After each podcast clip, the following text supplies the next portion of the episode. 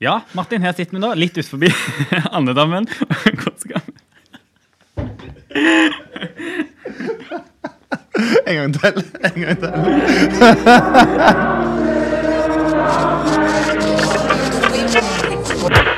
Frihet, frihet, likhet, likhet, podkast. Men ok, velkommen til episode 27 av Frihet, likhet podkast. Jeg er Torstein, og med meg har jeg Martin. Og Martin, vi lovte at Eva skulle være tilbake og ta en skikkelig ulverant. Det gjorde vi. Men dessverre så er hun ikke med oss. Nei, det er mer alvorlig enn det var. Ja. Vi er bare sykemeldt, altså. Bare sykemeldt. Men dessverre så er ikke Eva her. Jeg Ja. håper hun er tilbake om noen, eh, etter noen korte uker. Ja. Sitter hjemme nå. Håper du hører på Eva. We want you back. Og da fins ulven enda, så ulveranten kommer. Ja, det er en skikkelig, litt sånn langsiktig tid liggende, liggende der. Du, men det skjer eh, utrolig mye i politikken, eh, Martin. Det er Ja. mye på gang både i innland og utland. Så på saksliste i dag så har vi litt aktuelle saker.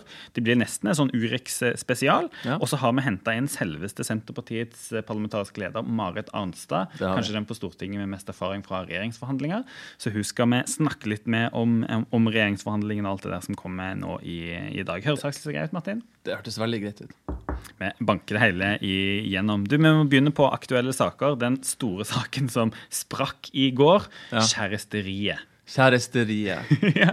Nå har eh, Arbeiderpartiets Jette Christensen blitt sammen med VGs tidligere tidligere VG. Ja, for nå er han plutselig tidligere VG. Nå er tidligere VG vanskelig, ja. Ja, det er sant. Nei, de, de, de skal da finne ut muligheten for å bli kjærester.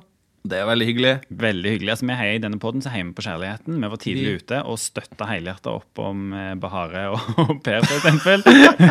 Du lagde din egen julekalender. Ja. Ikke sant? Ja. Så vi heier på, heier på kjærlighet. Men det har fått enormt mye oppmerksomhet, eh, dette da. Ja, det har det. Og er, det er jo to profilerte eh, personer. Og så skjønner jeg liksom den blandinga av politikk og media da, er spennende folk. Men han trakk seg jo for at det ikke skulle være noe tvil om bindinger og sånt. Ja, ja, ja. Er det sånn at du går og håper på at eh, neste gang du får kjæreste, Martin, så får du like mye oppmerksomhet? Å gud, nei, jeg håper på absolutt det motsatte. Så der. De har min fulle sympati, de her. Men det er jo det er litt artig. Jeg så jo uh, han eh, Jarle Rom Håkonsen, som jo er kommunikasjonssjef i Arbeiderpartiet, han sa jo det at uh, en av jobbene hans da han starta, var jo at eh, Arbeiderpartiet skulle få et eh, bedre forhold til de politiske journalistene. Så nå med Hadia Kristian Skar og Jette og Fridtjof Jacobsen, så sier jo han at strategien har lyktes. Vi er- sitter i kommunikasjonsavdelingen og huker av dette. Nå eller? ja, nå er det sånn, hvem er neste på lista? Vi, hvem, hvem skal ta seg av og Trine Eilertsen? Og.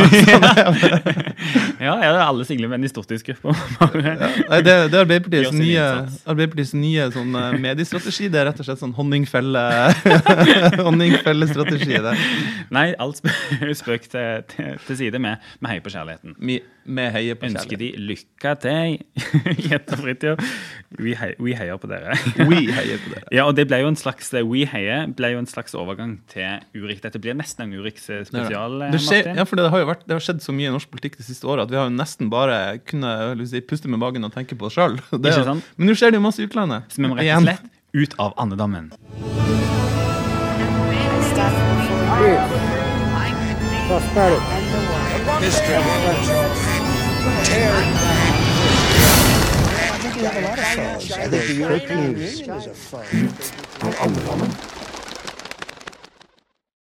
Ja, Martin, her sitter vi nå, rett ut forbi andedammen. Ja. Hvor skal vi begynne? Kanskje Storbritannia? Ja, vi hopper over vannet til Storbritannia. Brexit. Brexit. Hva skjer?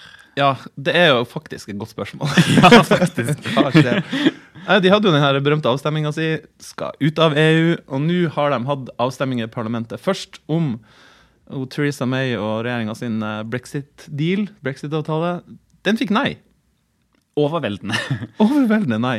Det er sykt mange i det parlamentet. Det var òg sykt mange som stemte mot sin avtale. Ja, det var det. Det var et, egentlig et ganske svært nederlag for henne. Ja, det var jo hennes eneste jobb. Eller hun ble jo Cameron eh, gikk av etter å ha stelt sånn dette kaoset. Ja, og det må vi nesten si to ord om etterpå, Cameron. Altså. Men nei, hun eh, eh, la fram forslag, har forhandla lenge med EU, la fram forslag til avtale. De sa nei. Masse konservative folk også som stemte, altså konservative representanter som stemte mot. Altså, det er Ja. Og Labour og Jeremy Corbyn da var raskt på pletten og stilte mistillitsforslag mot regjeringa. Der redda jo Theresa May og regjeringa med et nødskrik, vil det var si. virkelig, altså Igjen, vi snakker om så mange i det parlamentet, Ja. så var det vel Det var, det, 18 var 15 stemmer. Det var, vel. det var 303. Det var 303. Viskes det? 19? Det var, ja, det var, sånn, det var 303 eller noe sånt som stemte Very close. ja, 303 som stemte for mistillitsforslaget, og 325 som stemte mot mistillitsforslaget. Og det tok jo Theresa May som en seier, det må hun gjøre. Men det betyr hun fikk støtte fra det her dupp, det er nordirske, litt rare partiet. Unnskyld jeg sier det, men så hvis de hadde snudd, de 15 representantene, så hadde Theresa May eh, rett og slett måttet gå av. Så det ledde seg med et nødskrik. Altså Det som vi satt og tenkte litt på, det er litt rart. altså sant, Her eh, taper hun med sin avtale hennes viktigste jobb, med ganske overveldende flertall. Og hun vinner, liksom, har tillit med veldig knapt flertall. Men da liksom går hun veldig hardt på banen og rett etterpå, og er veldig lite ydmyk. Ja. Skylder egentlig på alle andre, peker liksom på at det er Labour som egentlig må komme til forhandlingsbordet. Men det er jo hun som er statsminister, hun som, hennes parti som har stilt eh, landet i dette. Ja, og Hennes første oppgave må jo være å overbevise sine egne om at den avtalen hennes parti og hun har framforhandla, faktisk er en god idé. Og den avstanden mellom disse to fløyende blokkene, jeg vet ikke hva man skal kalle det lenger, Ja. det er jo bare blitt større og større. Ja, ja og uh, det er jo veldig fascinerende å se på britisk politikk. Jeg må bare si om han der James Cam han er det, Cameron. Cameron, ja. Tidligere statsministeren som, som sa at det her løser vi gjennom en folkeavstemning. Det viste seg å være et gigantisk feilgrep, egentlig. Og, og han satte jo partiet foran Uh, partitaktikk foran uh, nasjonens interesser, vil jeg si. Mm. Og, det, og Martin, dette må vi komme tilbake igjen Ja. til, og anbefale alle å se den nye filmen, Brexit-filmen, som har kommet på HBO. HBO, Den har vi begge sett i helga. Da har vi med han Benedict eh, Cumberbatch, strålende skuespiller. I rollen som hovedstrategen i Liv-kampanjen. Altså utrolig god, men òg litt skremmende film, som Mm. vi skal komme tilbake igjen til. til. Men eh, det, det, det må vi si, Martin, er at det, er, har vært så spennende å se på dette britiske parlamentet. Mm. Vi er jo vant med et ganske hva skal man kalle det, i hvert fall i forhold, da, sivilisert storting, med organiserte debatter og Ja, i- rutiner for ting og sånt. I Stortinget er det ikke lov å klappe eller komme med lyder etter innlegg. eller noe sånt. Det, det eneste det kan stå i referatet av sånn her humring i salen. Ja, Og ja. sånn siden morsomt, det er vanskelig å ikke flire. Og i britiske parlamentet er det kaos. Altså det Ja. er, for det første er det jo ikke plass til alle inni den salen. Når de har debatt, så er det eh, masse lyd, som du sier. De sitter høye og høye og no og yes. Og, Og til og med når de stemmer, så er det sånn Hvem Ja. skriker høyest? De vinner på en måte saken. Og må gå ut forskjellige dører. Og jeg har sett, jeg har ennå ikke forstått det, men det ligger visst en stor sånn slags sabelaktig greie foran der. ja, det er ikke en sabel, det er en sånn der uh, Hva skal jeg si Nærmest ei klubbe, tror jeg. Ja, Nærmest ja. En gull, gullaktig klubbe. ja. Mm. Og den er plutselig veldig viktig eh, av og til. Ja, Det var en som prøvde å ta det her for noen uker siden før jul. faktisk. Det var en representant, jeg tror det var en Labour-representant som i protest gikk fram og bare tok den og skulle til å gå ut av salen. og ble... Og da er det liksom noe, da er det liksom ikke Da er det kaos i parlamentet. Det er noe med det at det skal være ro. Nei, den skal ligge der, jeg kan ikke historien. Og det mest fascinerende er de, hvordan de klarer å få dette til å gå i hop. De har jo ingen grunnlov. Det er ikke plass til alle representanter i salen heller. Nei, ikke sant? De har ikke skrevet ned disse tingene. De bare gjør alt på, på tradisjon og presedens mm. og alt det der. Nei, så Kaoset der kommer til å, eh, å fortsette. Eh, vår beskjed må jo være Theresa May, eh, skjerp deg. Her kan du ikke bare peke på alle andre. Kan med litt ydmykhet. Ja, Og ikke bli med i EØS. Herregud. ikke bli med. Det klarer vi ikke. Det har vi ikke kapasitet til å takle. Den eneste plassen nå må Jens Stoltenberg bruke å si det, eneste plassen Norge virkelig er supermakt i EØS. Så det må vi ha for oss sjøl. Ja. Eh, vi må reise litt lenger òg, Martin, til USA, der eh, Trump eh, har shut down the government. Han og det er en skikkelig eh, hanekamp mellom han og demokratenes eh, Mm. Nancy Pelosi, som eh, leder eh, Representantenes eh, hus. Trump har kasta 800 000 statsansatte på gata, holdt jeg på å si. Han har stengt ned regjeringen. 800 000 Mm. Får ikke lønn. statsansatte får Men de må jobbe. Nå har han sagt at nå må statsansatte tilbake på jobb uten lønn. Ah, for en sjef. For en sjef. Ja, det var helt forferdelig. Han skal, det er fordi han skal ha hva er det, 5,2 milliarder dollar til muren sin. I første omgang. I første omgang. Ja. Men dette er jo rett og slett liksom, eh, leken om hvem som viker først. Mm. De eh, kjører på hardt eh, begge to, og det er veldig uvisst hvor dette, hvor dette ender. For de kjører på med full fart. Det gjør det. Det er ingen som eh, Ingen tegn til å, til å vike i det hele tatt. På den ene sida så Trump han skal appellere til basen sin og tror at denne muren er en god idé. Demokratene står hardt imot. Og det er jo fordi at den muren mot Mexico er upopulær i den amerikanske befolkninga. Det viser jo eh, undersøkelsene. Og eh, han kommer til å slite med å få, få penger til den. Pluss at eh, det har vært en veldig viktig sak for mange demokrater som ble valgt nå i mellomvalget, som kom inn i, i, i Representantenes hus. da. uh, og, og viser motstand mot Trump og motstand mot den, uh, mot den muren. Så her er det sånn, der, eh, sånn eh, skikkelig stalemate. Men jeg tror ikke demokratene kommer kommer til å gi seg. Og, det, og det, det vi ser er at I motsetning til en del av de forrige shutdownene, så der Obama fikk mye av skylda da han gjorde det, så er jo det her først den lengste shutdownen. Eh, men, eh, men eh, folk flest legger skylda på Trump. Det ble faktisk veldig spennende å, å følge videre, men du ga oss også et spennende stikkord, Martin. Disse nye representantene. Eh, er vi ikke begge to bitte litt av AOC-basillen? Vi er bitt av AOC-basillen. Alexandra Ocasio-Cortez, som er en av de nye, hun er kanskje den mest profilerte av de nye, kom inn fra Altså, nå eh, la jeg det opp sånn at du skulle si navnet hennes, for jeg syns det er så morsomt når du med din dialekt sier Cortez. Cortez. Alexandra Casti Cortez. Nei, vet, nei, det ble helt, det ble en slags fransk-spansk uttale. Nei, men Hun er en av de veldig nye, kule, progressive representantene for demokratene. Egentlig en sosialdemokrat. Ja, hun er medlem av disse um, Ja. demokratiske sosialistene på en Mm. måte der borte. Ja.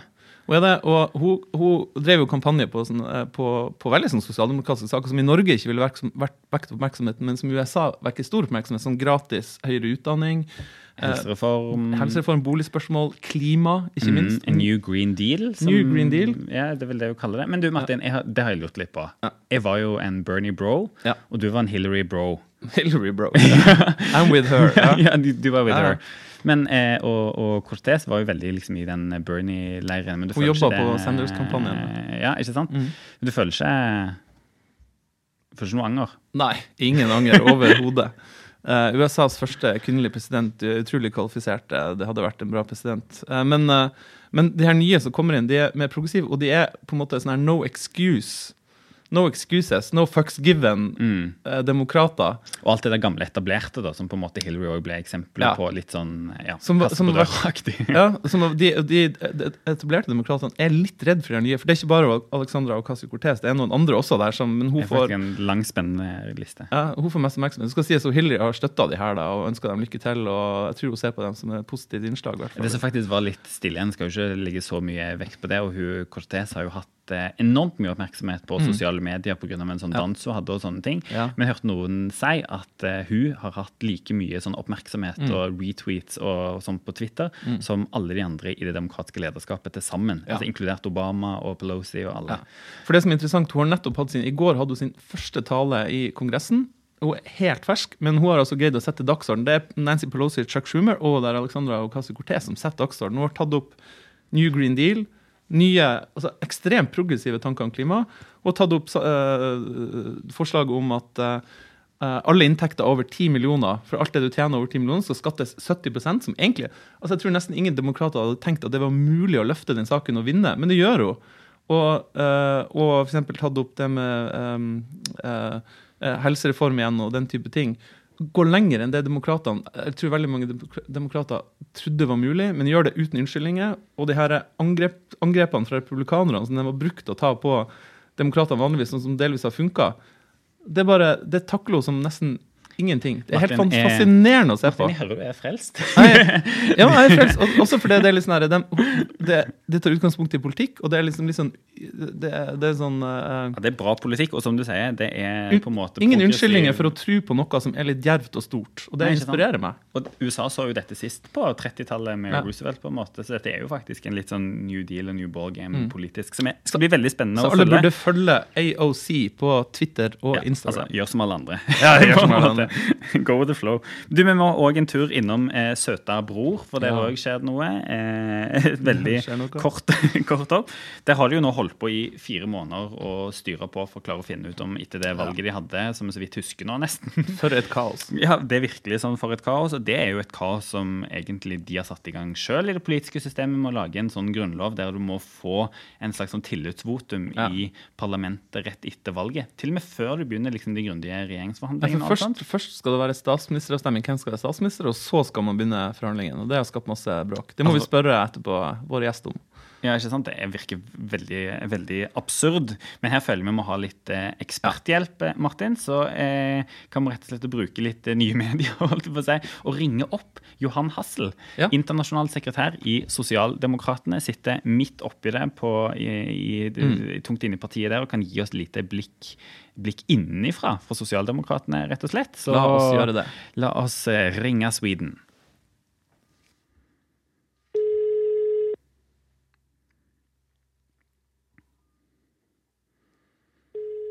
Ja, det är Johan. Hei, Johan, Norway calling, Torsten her. Hei, Torsten, hur är läget? Det er bra, det er bra. Nå er du live på vår podkast. Og vi eh, ringer deg rett og slett Sweden, Calling Sweden og lurer på hva, hva hender? Hva hender?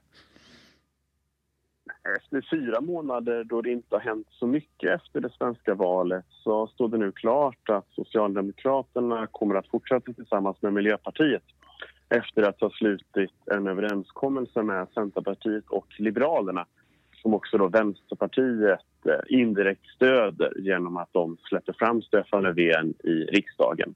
Och då betyder det att vi har en fortsatt socialdemokratisk regering förhoppningsvis imorgon fredag då omröstningen är eh, i, i Sverige efter eh, fyra år av stiltje och långa förhandlingar. Ja, er det så at man går rundt i gangene og sier grattis og er letta det, eller er stemningen litt sånn avventende? Genom att det tagit fyra månader så kan man väl säga att champagnen har pyst lite. Så på vissa håll är det väl väldigt glada håll eh, och på andra håll så är det väl väldigt sura miner. Men det ska ju sägas att det har varit ett väldigt svårt parlamentariskt läge. Och det är klart att Centerpartiet och Liberalerna har haft stora problem i sina partier med att välja egentligen. Ska de släppa fram Kristersson som de stöttade i Alliansen och därmed också ett inflytande för Sverigedemokraterna? Eller ska de bita i det sura äpplet och hålla Sverigedemokraterna borta från ett inflytande i svensk politik och därmed förhandla med Socialdemokraterna? Och de bet ju till slut i det sura äpplet. Och det är klart att även ifall de nu då får igenom en massa liberal politik så är det klart att det inte gick riktigt som, som de önskade sig. Och för oss socialdemokrater så är det ju en glädje och en seger att fortsätta regera med mycket S-politik. Men vi har ju samtidigt tvingats acceptera mycket liberal politik för att komma hit. Så det är väl en sån här klassisk del där glaset varken är halvfullt eller helfullt. Ja, Det er jo ganske imponerende, synes jeg, at dere har klart å splitte alliansen, som har vært veldig sånn samkjørt og stått veldig eh, samla. Hvor viktig er det, og det å unngå et nyvalg? Det är ju framförallt väldigt viktigt eh, för Stefan Löfven som sen han valdes till partiordförande för Socialdemokraterna har sagt att blockpolitik är fördömande og och att eh, svensk politik regeras bäst i mitten där det är så att man kommer överens om breda överenskommelser. Så att det här är ju en väldigt, väldigt stor seger för Stefan Löfven och därmed också för, för Socialdemokraterna. Och det är klart att strategiskt sett för, för Socialdemokraterna i Sverige så betyder det mycket att man har slått sönder alliansen och framförallt att Centerpartiet och Liberalerna har tagit avstånd kring att bilda det konservativa blocket som, som Jimmy Åkesson, Sverigedemokraternas partiordförande, har, har önskat. Det är klart att det är den största vinsten. Och sen tror jag att det svenska folket hade nog gett ganska stor tumme ner ifall man hade gått till ett extraval och så som det ändå ser ut i opinionen, vi kan ju njuta av lite bättre siffror men så är det ju sannolikt att resultatet hade varit snarlikt och då hade man ändå behövt förhandla. Så att eh, det var nå i grevens tid at denne overenskommelsen kom på plass. Ja, for I Norge så har veldig mange snakka om at ja, nå blir det kanskje nyvalg, men for dere i Sosialdemokratene så har det aldri vært, vært en plan. Det har vel aldri vært en plan samtidig som vi har jo sett at siden vi innledet valrörelsen på riktig i augusti og började prata mer klassisk sosialdemokratisk politikk og eh, så har vi ju sett att vi har haft en stark uppåtgående trend. Under sommaren ska man inte hyckla med att säga att vi låg på 24-25 procent. Vi fick 28 procent i valet och opinionsmätningarna idag ger oss strax över 30 procent. Så att vi är ju framåtgående och därmed så känner ju partiet att det är som så att vi hade väl kanske lite lust eh, för valrörelse igen eh, och skulle kunna göra ett bättre resultat. Och sen samtidigt så har vi lite respekt för att eh, man som politiker ändå måste ta ansvar för, för själva den delen. Och det finns ju några partier, både Liberalerna och Miljöpartiet som, som ligger ganska nära spärren på 4 som, som vi har i Sverige. Eh, så att det hade kunnat hända ganska mycket i ett extraval eh, som hade som hade stökat till det. Eh, och, och, och, det är tyvärr kanske också som så att Sverigedemokraterna hade, hade gått framåt. Så att, så att vi aldrig varit rädda för ett extraval, men vi har heller aldrig önskat det. Du nevnte det så vidt at den Sosialdemokratene har jo godtatt en del liberal politikk, eh, noen skattekutt, eh, noen eh, arbeidslivsfrågor, som, som, det virker som er litt diskusjon om. Er, er det så at Facket og LO er liksom sinte og, og, og diskuterer heftig nå? Men facket och LO, precis som många av socialdemokrater, är ganska förbannade över att vi nu ser liberal politik få ett genomslag i Sverige. Samtidigt är det ju så, så att vi är alla medvetna om, och det är ju facket och också Vänsterpartiet, att, att alternativet var ju inte att Socialdemokraterna hade fått igenom all sin politik. Utan alternativet till det här hade ju varit att Ulf Kristersson hade bildat regering tillsammans med Kristdemokraterna med stöd av Sverigedemokraterna. Därför att det visade ju sig att Centern och Liberalerna hade ju, ifall inte det här hade gått igenom så hade man ju troligtvis lagt ner sina röster precis som man gjorde i budgeten som beslutades i oktober. Och då hade ju eh, Kristersson regerat och då hade vi sett en väldigt stark högerpolitik eh, som hade varit jättefarligt för, för arbetsrätten. Så, att, så att det här är ju en kohandel som har skett och det är ingen hemlighet. Det står ju där att, att vi socialdemokrater har fått ge efter på ett antal områden. Men vi har ju också vunnit ganska mycket och alternativet hade varit väldigt, väldigt mycket värre. Nei, det som du sier, det virker jo som om det blir en eh, vanskelig og, og, stor jobb da, med å både overbevise velgerne og, og eh, aktive i partiet om at dette var eh, det riktige valget. Men vil du si stemningen i Sosialdemokratene i partiet er god? Så stämningen i socialdemokratin är, är ganska god. Va? Och, och, man ska också komma ihåg att en del av överenskommelsen du nämnde liksom att vi ser skattesänkningar för de som tjänar väldigt mycket. Det är klart att det är dåligt för fördelningspolitiken. Det finns samtidigt en överenskommelse att se över skattesystemet, att försöka få till en skatteväxling vad det gäller klimatet. Och sen är det ju arbetsrätten som har fått väldigt mycket utrymme. Men där ska man ju komma ihåg att överenskommelsen och politiken kliver in ifall arbetsmarknadens parter skulle misslyckas. Och där känner ju facket at att faktiskt vi har mer ansvarstagande näringslivsorganisationer än vad vi kanske har liberala partier i riksdagen. Så att, så att väldigt mycket av hur det här i slutändan kommer att se ut det beror på hur går förhandlingar mellan fack och arbetsgivare. Och ifall de förhandlingarna går bra, då, då är inte det här så illa. Liksom. Ifall de förhandlingarna går i graven, ja, men då är det så att då får den här liberala politiken ett genomslag. Men, men eh, vi er ikke der enn, Liksom. Og der tror jeg liksom mange av oss kjenner en ganske sterk tilforsikt at fan, det her kan bli ganske bra ändå. Ja, Det blir veldig spennende å følge med fra Sverige videre. Tusen takk for at du ville være med, Johan, og fortelle oss litt fra innsiden hvordan ting går i Sverige. Ten points til Sweden, og lykke til! Tack så mycket, tack så mycket. Och vi noterar de stigande siffrorna också för Arbetarpartiet i Norge. Så att eh, det är många som ser fram emot fler val. Det går riktig vei, det går riktig vei. Tusen takk, lykke ja. til. Hei, hei. Takk så mye. Hei, hei. Frihet, frihet. Likhet, likhet. Podcast. Ja, Martin, det var jo veldig en liten spennende samtale med søta, søta bror det var det. Eh, der. Det var det, med han Johan. Eh, hvis vi skal oppsummere, så er det jo det viktige for sosialdemokratene nå det har jo vært at de har unngått at Sverigedemokraterna får makt i Sverige de har brutt, brutt opp denne alliansen, de fire borgerlige partiene som har stått sammen eh, i en uh, årrekke. Og det i seg selv, og det å liksom, kaste den gamle blokkpolitikken på båten, har jo vært et mål for han Stefan Löfven mm. i fem-seks år. Mm. Så det har vært viktig. Og så tror jeg nok stemninga i Sosialdemokratene er litt som han sier, at altså, det kunne vært verre. Det, de har gått med på mye, og de har gått langt, men de får styre.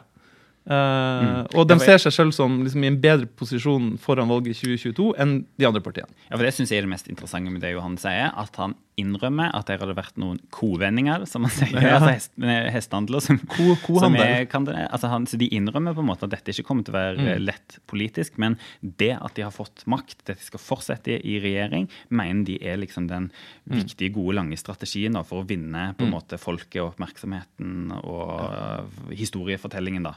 Og de føler at, eh, og det viser vel målingen nå, at folk i Sverige støtter at det blir inngått en sånn eh, avtale, fordi nå er folk litt lei av det spillet fram og tilbake og vil at det skal være litt trygg styring. Men det kommer ikke til å bli lett? Nei, det kommer ikke til å bli lett. Og det, Vi har jo, vi jo snakka med flere av våre venner i, i sosialdemokratiet og i Venstre i Sverige da, og spurt hva har det her å si. og det det som er interessant, at flere trekker fram det, sier at det er mye dårlig avtale, men de håper jo at arbeidslivets parter da kan komme fram til noe på arbeidslivet og sånn som gjør det bedre. Men det alle trekker frem, er jo at nå må svenske sosialdemokrater unngå den fella som veldig mange sosialdemokratiske demokratiske partier nedover i Europa har gått i, nemlig at samarbeid med borgerlige nyliberale partier gjør at sosialdemokratene bare blir desimert. Så de må klare å ha det her samarbeidet, men samtidig gjøre en skikkelig jobb for å framstå som et progressivt parti. sånn at Ikke bare styre departementet liksom, men ha noen sånne gode, viktige saker og få noen rene seire, de òg. Men dette må vi Ja. snakke med Marit eh, Arnstad om, som Ja. jeg hører da er på vei inn døra. Frihet, frihet, likhet, likhet, podkast. Da har vi henta inn en eh, gjest og en slags eh, ekspertkommentator får du lov til å være i dag. Velkommen, Senterpartiets eh, Marit Arnstad. Takk for det. Veldig hyggelig at du hadde lyst til å komme. Vi måtte jo hente kanskje den på Stortinget som har mest erfaring med å sitte i regjeringsforhandlinger. For Fortell oss litt om hvordan det er. for jeg har- jeg har ikke fått vært med på det. nå. det, kan, det jeg tror kanskje det er overdrivet at jeg sier at jeg har mest erfaring med regjeringsforhandlinger, men jeg har, jeg har vært med på to. En fra utsida og en fra innsida. Så først Bondevik I-regjeringa. Da var jeg på utsida som sånn referansegruppe som det Knut Arild Hareide er nå, da. Og flere av det de røde i eh, KrF. Eh, og det var jo en veldig spennende situasjon, men på utsida så blir det jo sittende og på en måte eh, i stor grad konfirmere det som skjer på innsida, da. Du gjør det. Men nå har vi jo i dag er det torsdag, og vi har fått vite at eh, nå er de på en måte ferdige og skal på en måte godkjenne det som er fremforhandla resultatet. Altså, Du som har vært i den situasjonen, hvordan er liksom den følelsen nå? Er det sånn, En springer rundt og spente på om det en har kommet fram til, egentlig flyr? Ja, de er nok litt spent på det. Samtidig så, så tror nok jeg at de har sikra seg mer backing også fra de gruppene utafor forhandlingsrommet enn det vi vet på forhånd. Fordi det er risikoen for å gå i landsstyremøte og så få et stort flertall imot seg, den, den risikoen tar du ikke, vet du. De har sjekka ut Ja. med baklandet Ja, underveis her, og har de mest sentrale, de som kunne finne på å lage problem, da, for å si det sånn, Ja. de har blitt litt konsentrert eh, underveis. Ja. Du var en av dem i Bondevik 1, da, antakeligvis. Nei, jeg, nei, det var jeg nok ikke. Men altså, jeg tror de har gjort det fordi det, det, det, det er for stor risiko å ta og gå til samtlige landsstyrer uten å ha noen peiling på hvordan det går. Så det er klart, de har sjekka ut mer enn det vi har fått vite i offentligheten. Eh, og jeg tror vi skal forberede oss på at det går nok igjennom i alle fire uh, landsstyrene. Det gjør det. Mm. etter kanskje litt høylytt diskusjon i noen, et par av dem. Av markeringsmessig så tror jeg spesielt Frp kan ha behov for å få markert at eh, ikke alt er like eh, bra. Eller da Unge Venstre, som nå protesterer mot de mulige abortendringene. At de får protestert litt på det, og så går det gjennom til slutt. Ja, men jeg, jeg, det er et eller annet litt sånn ufint med den måten Unge Venstre har markert akkurat den saken på. Altså, En kan være enig eller uenig, men, men det å på en måte Hvis Unge Venstre vet, og det tror jeg kanskje de gjør, at KrF ikke har fått det abortgjennomslaget KrF ønska, så er det litt sånn kynisk å gå ut og markere det at du skal protestere høyt i landsstyret for noe som du allerede vet at KrF har tapt. Ja, for det er jo, jeg må jo synes liksom at Noen av de tingene som da lekker ut, virker jo litt sånn kyniske. Nå I helga fikk vi vite at liksom Venstre forlot forhandlingene i en liksom stor debatt om, om klima. Og som du også sier, Marit, så har det vært veldig lite som har lekt ut. Alle de journalister som har vært der ute som jeg har snakket med, sier i hvert fall at det er nesten ingenting som har lekt ut. Så da når ting på en måte kommer ut, så er det en plan bak. Ja, så føles det som om det på en måte er litt spekulativt. Som Ja. det er litt sånn eh, i- i- iscenesatt, på en måte. Og det syns jeg nesten også Politisk kvarter var i dag tidlig, med ungdomslederne. For jeg tror også ungdomslederne vet mer enn det de ga inntrykk av at de gjorde i Politisk kvarter i dag. da. Men hvis vi starter for, I dag får vi jo kanskje vite resultatet av regjeringsforhandlingene legges fram. Men før de her regjeringsforhandlingene starter, når KrF bestemte seg for å gå inn i regjering, da starta jo arbeidet i alle de fire partiene. Antagelig så hadde det starta si hos regjeringspartiene. Før du var på å forberede seg på regjeringsforhandlinger. Er, hva gjør man først når du vet at du skal inn i forhandling? Hvordan forbereder partiene seg? Eh, hvordan ser den lista ut? for å si Det sånn på her, det her må vi ha inne i regjeringserklæring. Det her kan vi nå vi kompromisse på. Ja, ja. Jeg tror, jeg tror Arbeiderpartiet er godt kjent med det fra før av. men ikke vi. Vi er jo ikke det. Jo, men altså det, det, Men jeg, jeg, kjenner, jeg husker best 2005, da, Soria Moria. Og det er klart at En perfekt regjeringserklæring. Ja, det var en ganske god regjeringserklæring. Det var det. Men da, da har du jo hatt en jobb før valget òg, for å kartlegge både punkter der du er enig, og der det er enkelt å komme til enighet, og punkter som er vanskelig, og også eh, offensive krav du vil ha inn i en forhandling, da. Eh, og strategien knytta til forhandlingene. Så du har jo gått gjennom det før valget. Eh, og så får du heller da legge i en skuff hvis at du taper valget, men det er klart du går gjennom det før valget. Eh, også fordi tidsperioden du har etterpå er så kort. Altså når at valget da er eh, 9.-10. september, og så vet du at du helst skal være ferdig ganske eh, rett etter at budsjettet blir framlagt.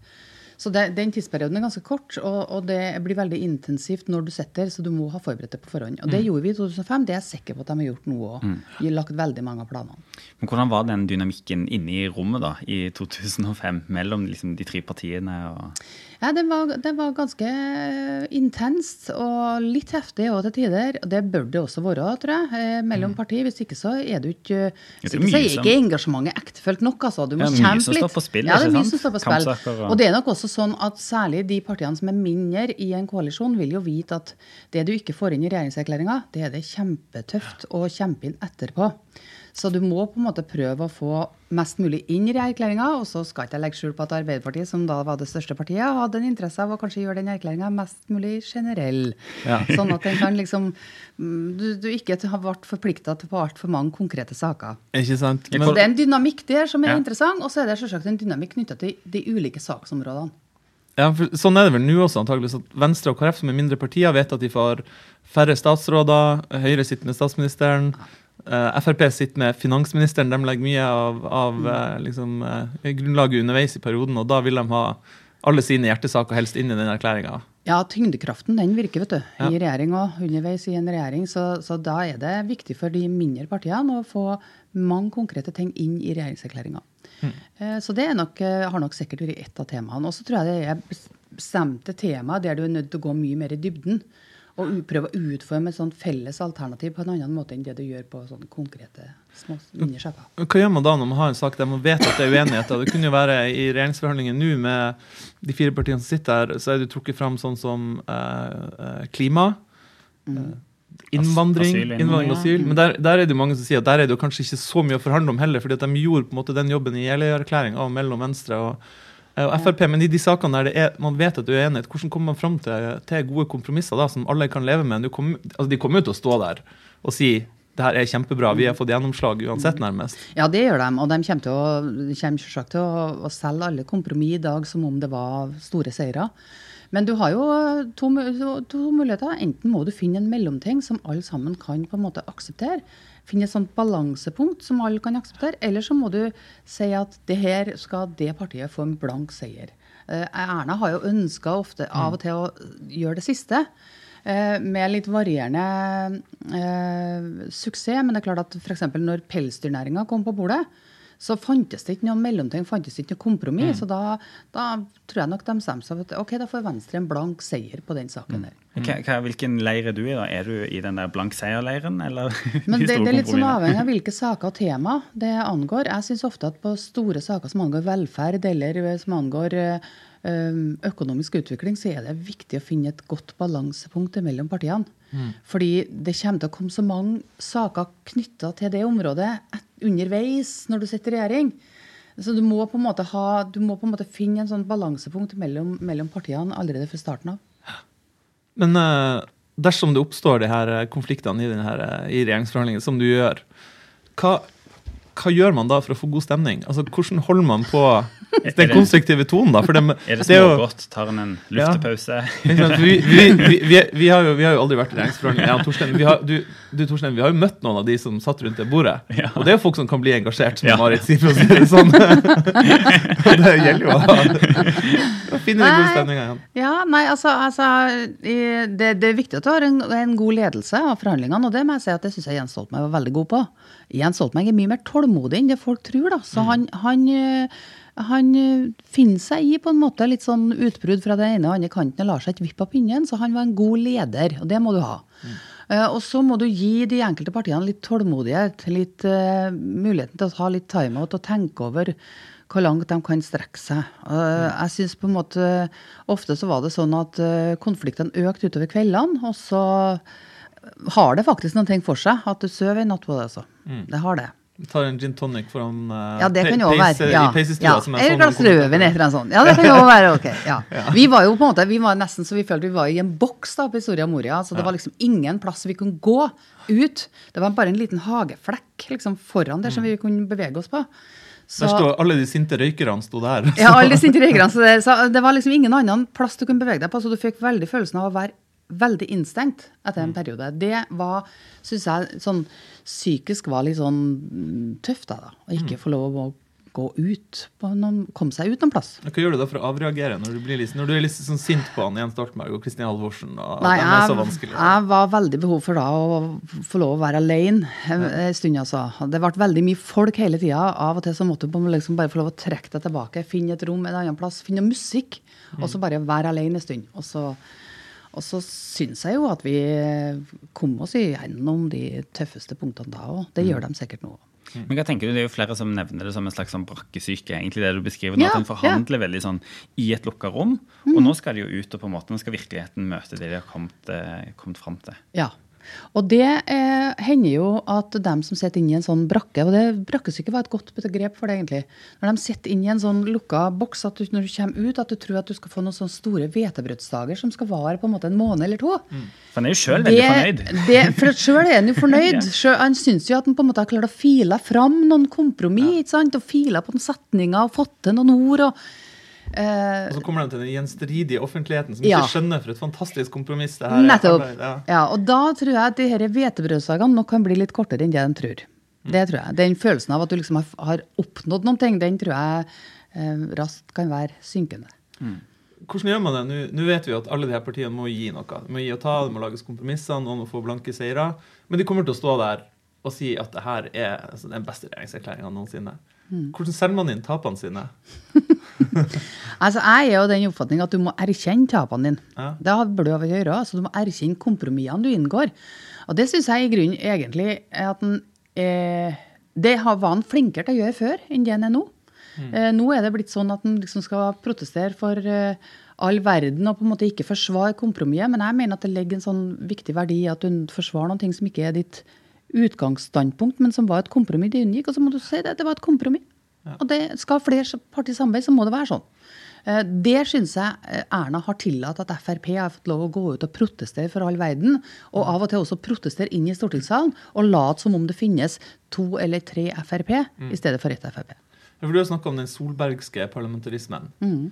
Det får vi jo kanskje se nå også, særlig når det blir fire partier som skal skal vi si, gre- å sjonglere hver sin profil inn i felles regjering. Men hva, ta kort det denne solbergske parlamentarismen som vi antakeligvis får se mer av i framtida. Ja, Det er jo at du på en måte står for én ting i regjering og gjør noe annet i Stortinget. Altså at Frp i regjering er med på ett type vedtak som Frp i Stortinget ikke vil være med på etterpå. Jeg er ikke sikker på om vi får se mer av det nå. Jeg tror, jeg tror det har vært en sånn sikkerhetsventil for en mindretallsregjering.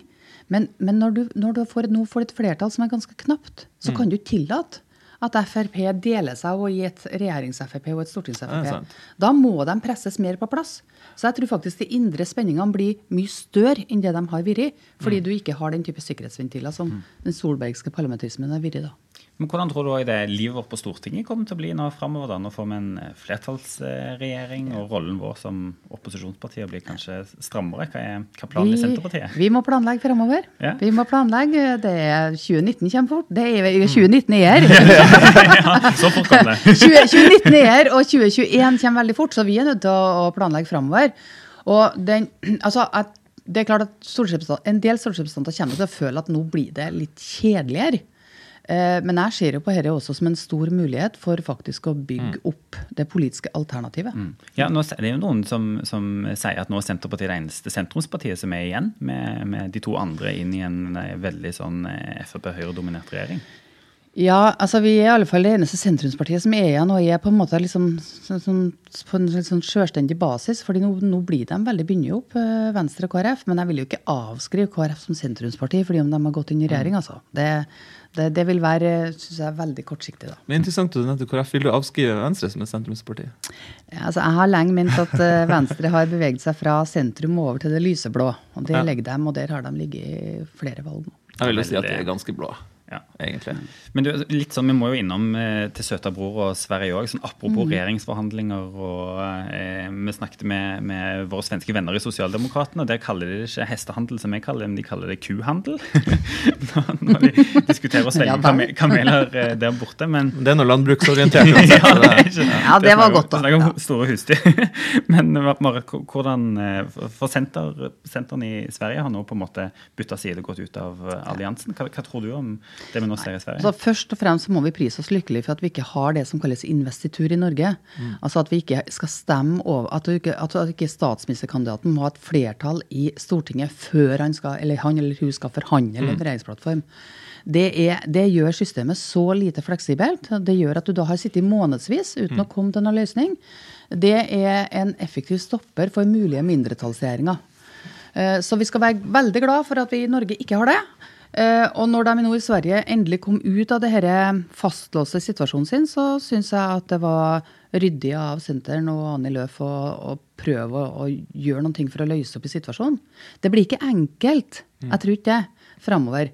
Men du vil i alle fall få en regjering, og så vil du da uh, få en dynamikk i, i den svenske riksdagen framover som kan bli uh, ja, litt mer stabil enn det det har vært i høst. Da. For i høst har det jo vært en ren unntakstilstand. Ja, Det var veldig spesielt liksom, å følge med og se det. Og jeg tror også fjernt ifra folk, som du sier, når, en, når det er sånne veldig underfundige regler som ligger bak, så faller jo på en måte eh, folket på gata helt av, da, hva som er den politiske debatten. Men så er det jo en snåle situasjon i Sverige at du også kan vedta budsjett med et mindretall. Ja.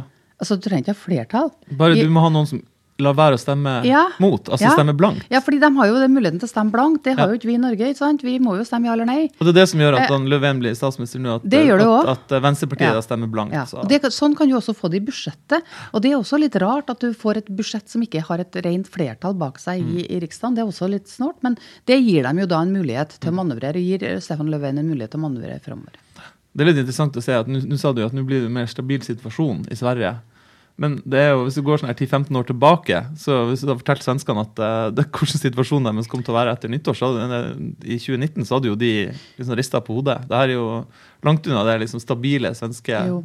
Politiske baken- systemet som vi er vant med. Det bakenforliggende her, og det er jo eh, overførbart til flere land, det er jo at eh, både Moderaterna og Sosialdemokratene har gått ganske kraftig tilbake eh, over tid.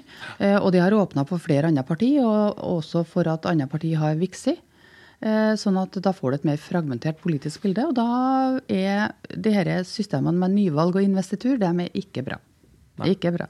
Det blir veldig spennende å se. Så håper vi at temperaturen kanskje går litt ned. Det er ganske harde skyts Annie Løf, lederen i senteret, nå får høre fra til og med kollegaer. Jeg skjønner at, at eh, Moderaterna og Kristendemokratene er skuffa, det skjønner jeg. Og jeg skjønner at de gir uttrykk for skuffelse òg, men noen av de ordene de har brukt imot Annie Løf nå, det syns jeg Kristning ble jo kalt. Ja, og vi skal aldri glemme og sånne ting. Altså, det syns jeg det det går ikke an. Det hører ikke hjemme i en vanlig, fornuftig politisk skandinavisk debatt. Vi får håpe de hører på deg der over kjølen. Jeg håper. Ja. Vi får sende dem podkasten. En teksta versjon, kanskje. Men tusen takk, Marit, for at du kom og delte av din eh, visdom og innsikt her med, her med oss. Takk Veldig gøy å ha. ha deg på besøk. Veldig hyggelig.